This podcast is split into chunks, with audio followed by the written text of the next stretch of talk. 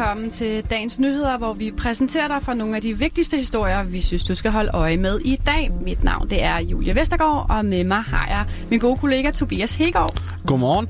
Til at starte med i dag, så skal vi kaste et blik på vaccinationskalenderen, som igen igen er blevet rykket, og hvilken betydning får det monstro for sommerferien. Og hvordan kommer sommeren egentlig til at se ud, altså sådan rent værmæssigt? Mm, ja, det skal vi også blive klogere på, for vi har simpelthen taget os en snak med DMI om deres langtidsprognoser. Og til sidst runder vi af med en opsummering af en ret vild historie. Det her med, at Danmark har givet amerikanerne lov til at spionere mod vores naboer. Velkommen til dagens nyheder.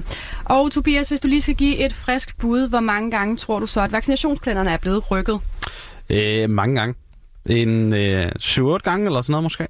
Det rigtige svar det er ni gange siden den første plan den blev øh, vist frem tilbage i januar, så det er meget godt ramt, eller næsten. Næsten godt ramt. Det, er, det var alligevel voldsomt, at, at vi så mange gange har ramt ved siden af. Ja, jeg, altså jeg må indrømme, jeg vidste faktisk ikke, at vi var så langt op, men jeg tror også, jeg holdt op med at tælle, og grunden til at spørge, det er jo fordi, altså, du kan nok godt gætte, det vaccinationskalender er blevet rykket endnu en gang, og den her gang er det med to uger, så de sidste danskere kan forvente at være færdigvaccineret et godt stykke ind i september.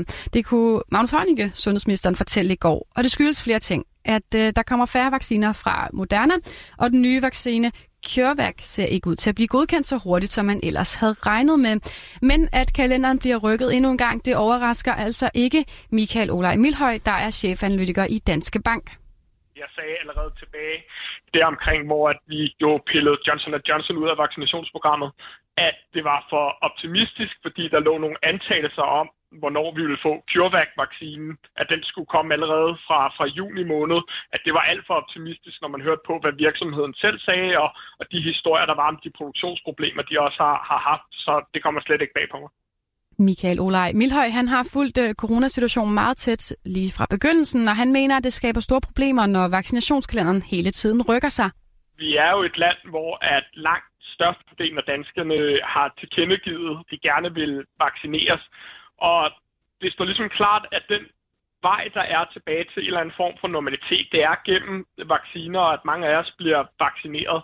Og det har også stor betydning ikke bare for borgerne, men også for de virksomheder, der stadigvæk er underlagte restriktioner. Og derfor betyder den her gennemsigtighed og realisme i vaccinationskalenderen ret meget.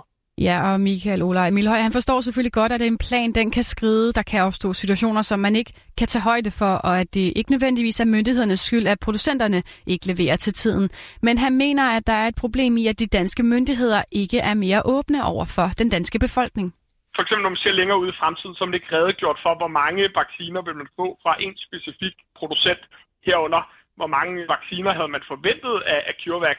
Og det gør jo, at man ikke kan diskutere ordentligt, hvorvidt den her kalender var, er realistisk eller ej. Det er noget, man i gåsøjne må, må gætte sig lidt til. Og det gør, at vaccinationskalenderen ikke er lige så brugbar, som den ellers kunne have været. Men hvad så med sundhedsmyn- sundhedsmyndighederne? Går de så bare og krydser fingre for, at der kommer friske forsyninger og nye typer vacciner på vej? Nej, faktisk ikke. For noget af det, der er især interessant ved den her historie, det er, at AstraZeneca og Johnson Johnson måske faktisk kommer i spil igen. Regeringen har i hvert fald bedt Sundhedsstyrelsen om at genoverveje brugen af de her vacciner. Men de blev taget ud af vaccinationsprogrammet, fordi der har mm. været tilfælde, hvor personer har mm. fået alvorlige blodpropper efter at få, have fået vaccinerne. Ja. ja, det overrasker også blandt andre Venstre, at man nu overvejer at bruge AstraZeneca og Johnson Johnson igen. Det fortæller sundhedsordfører Martin Gertsen.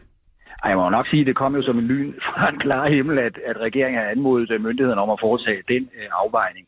Altså, vi har lige svært ved at finde ud af, øh, hvad er det egentlig, der sådan helt konkret har udløst den anmodning, der nu er gået til sundhedsmyndighederne. Altså, ja, det, det er et mærkeligt øh, forløb.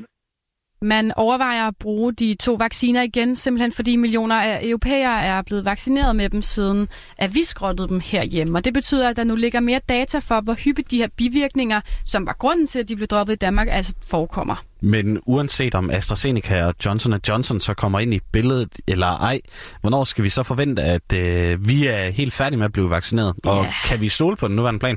Ja, det er et godt spørgsmål. Altså, hvis man spørger Michael øh, Olaj Milhøj, ham er chefanalytikeren i Danske Bank, så tør han i hvert fald godt komme med, hvad han mener er et realistisk bud. Altså et, et worst case scenarie, det er, at det bliver i, i starten af oktober, at vi alle sammen har fået andet stik, men, men det betragter jeg nok på nuværende tidspunkt som, som lidt mindre sandsynligt, fordi vi har så stabile leverancer fra Pfizer, som vi har lige i øjeblikket, hvor vi får rigtig, rigtig mange doser Øh, men, men det betyder altså, at vi skal ind i det tidlige efterår, før vi alle sammen har fået øh, begge stik. Og det betyder jo i sensommeren, at vi alle sammen nok har modtaget det første stik. Så en coronafri sommer, det venter os altså nok ikke lige sådan rundt om hjørnet. Nej. Og det betyder nok også, at muligheden for at rejse ud i verden, den ikke er særlig stor. Mm. Så Julie, når nu du ikke kan rejse ned til sydens sol, hvordan, øh, hvordan skal sommeren så se ud? Uh, ja, men altså, så håber jeg jo, at jeg kan nyde øh, solen på min altan. Men altså, som jeg kender den danske sommer, så bliver det sommer en dag, måske i går, og så øh, Ja, så ved jeg ikke. Altså, ja, men det... i hvert fald fokus på sol, det vil jeg rigtig gerne ja, have. det var måske weekenden, der var vores sommer i år. Mm. Og jeg bliver nok også nødt til at spolere din, uh, din feriedrømme og soldrømme lidt, fordi det ser altså ikke ud til, at sommerens vejr det bliver alt for godt. Nej. Og fordi det nu er Danmarks første officielle sommerdag, 1. juni, så har vi talt med Herdi Stamberg, der er metrolog ved DMI og tidligere værvært på DR. Hun beskriver langtidsprognosen for sommeren sådan her. Hvis man ikke er til 30 grader, øh, så, så synes man nok, det er meget rart med den her øh, vestenvind, der er til kan træde ind og kan give lidt regn af til, til, til haverne. Øh, og der vil også være plads til noget sol, og selvfølgelig kan der også godt komme øh, nogle sommerdage. Men det, det ligner lige nu, er at gå en, en sommer i møde, som er sådan lidt til den ustadige side. Det der med bare at ligge på stranden og dage i juli måned, den, den kan man nok godt ikke farvel til. Ja, okay. Det er så ikke lige den mest optimistiske værmelding. Jeg mener bare, øh, mine forventninger er heller ikke altid så høje, men så tænker jeg så også, hvor sikre kan vi være på det her, for det er jo ikke ligefrem, fordi de her meldinger fra DMI altid holder stik. Nej, hvis man skruer forventninger op, så bliver man ofte, ofte skuffet. Og, og det med forventningerne, det erkender Heidi, Dam, Heidi Herdi Stamberg altså også, at det er ikke altid, at de lige rammer helt plet. Nej, man skal helt klart tage dem som en vejledning og som noget, man, man kan synes er lidt sjovt at læse, fordi der er en masse teorier, og der er en masse en masse spændende forskning egentlig i det, fordi man, man mener trods alt, at der er noget hold i de her langtidsprognoser. Men man kan sige, at der er jo også en stor tolkning i det, fordi du kan jo godt sige, at juli ligner en gennemsnitlig juli på temperaturen. Men hvis det skyde hele tiden, så vil alle jo synes, det var en rigtig kedelig juli. Med andre ord, så er de der langtidsprognoser noget, vi måske ikke skal gå så meget op i. Mm. Det er mere noget, dem, der er nørdet omkring vejret, det bør gå op i. Okay, men hvorfor kommer man så med de her langtidsprognoser? For mig, der lige sidder og ser øh, vejret lige øh, som en, en del af nyhedsudsendelsen, så, så stoler jeg jo på det. Så hvorfor kommer de med det?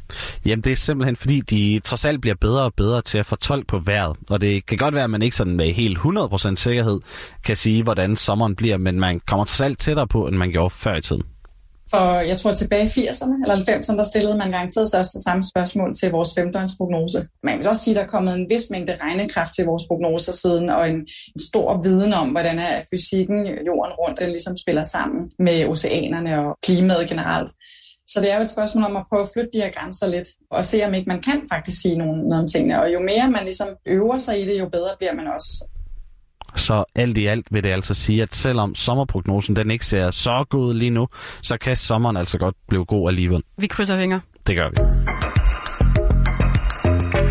Nå, her til sidst, så bliver vi lige nødt til at tale om den historie, som DR de breakede i søndags. Og ja, det er jo som sådan ikke fuldstændig nyt længere, men vi nåede simpelthen ikke historien i dagens nyheder i går. Så nu vil, vil, vil vi lige dedikere lidt af vores tid til den i dag. Og det er historien om, at Forsvarets efterretningstjeneste har lavet amerikanerne bruge vores internetkabler til at spionere på vores nabolande. Og Tobias, så er det gode spørgsmål. Overrasker det her dig?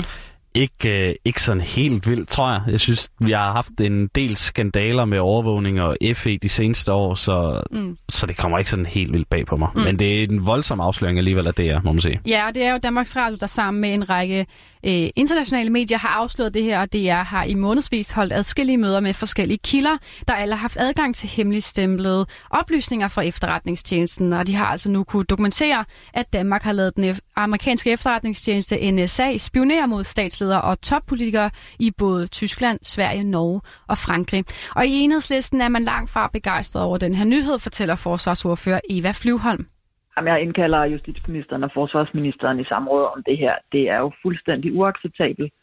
For det første, så skylder den danske regering jo politikerne i vores nabolande en kæmpestor undskyldning. Og for det andet, så må man simpelthen kræve, at de kommer med nogle klare garantier om, at det her bliver undersøgt. Og hun vil altså have regeringsord for, at den kommission, som regeringen har nedsat for at undersøge mulige ulovligheder i efterretningstjenesten, også vil undersøge de her nye oplysninger. Der er ingen garantier til Merkel og kollegaerne i de andre lande om, at det her overhovedet kommer til at blive undersøgt. Og det synes jeg i den grad at regeringen skylder at diske op med. Og man må sige, at jeg håber, at øh, de kan forstå alvoren lidt mere af det, når det er Merkel, de står overfor, Ja, for netop Tysklands statsoverhoved Angela Merkel er en af dem, som amerikanerne altså har spioneret mod gennem de danske internetkabler. Og stemningen er heller ikke så god mellem den danske regering og så den tyske kansler eller Frankrigs præsident Emmanuel Macron. Det stod klart i går på en pressekonference, hvor de to statsledere kommenterede den her nye afsløring. Emmanuel Macron han sagde, at det er uacceptabelt mellem allierede og endnu mindre acceptabelt mellem allierede og europæiske partnere. Men Julie, helt ærligt, det her med, at man spionerer lidt på sine naboer mm. allierede, mm. er det ikke sådan noget, vi gør altid med vores efterretningstjeneste? Så er det ikke ved at blive lidt normalt? Altså, hvis man spørger efterretningsforsker Thomas Wiener Fris fra Syddansk Universitet, så er den her sag måske lidt værre end andre sager, vi har set før.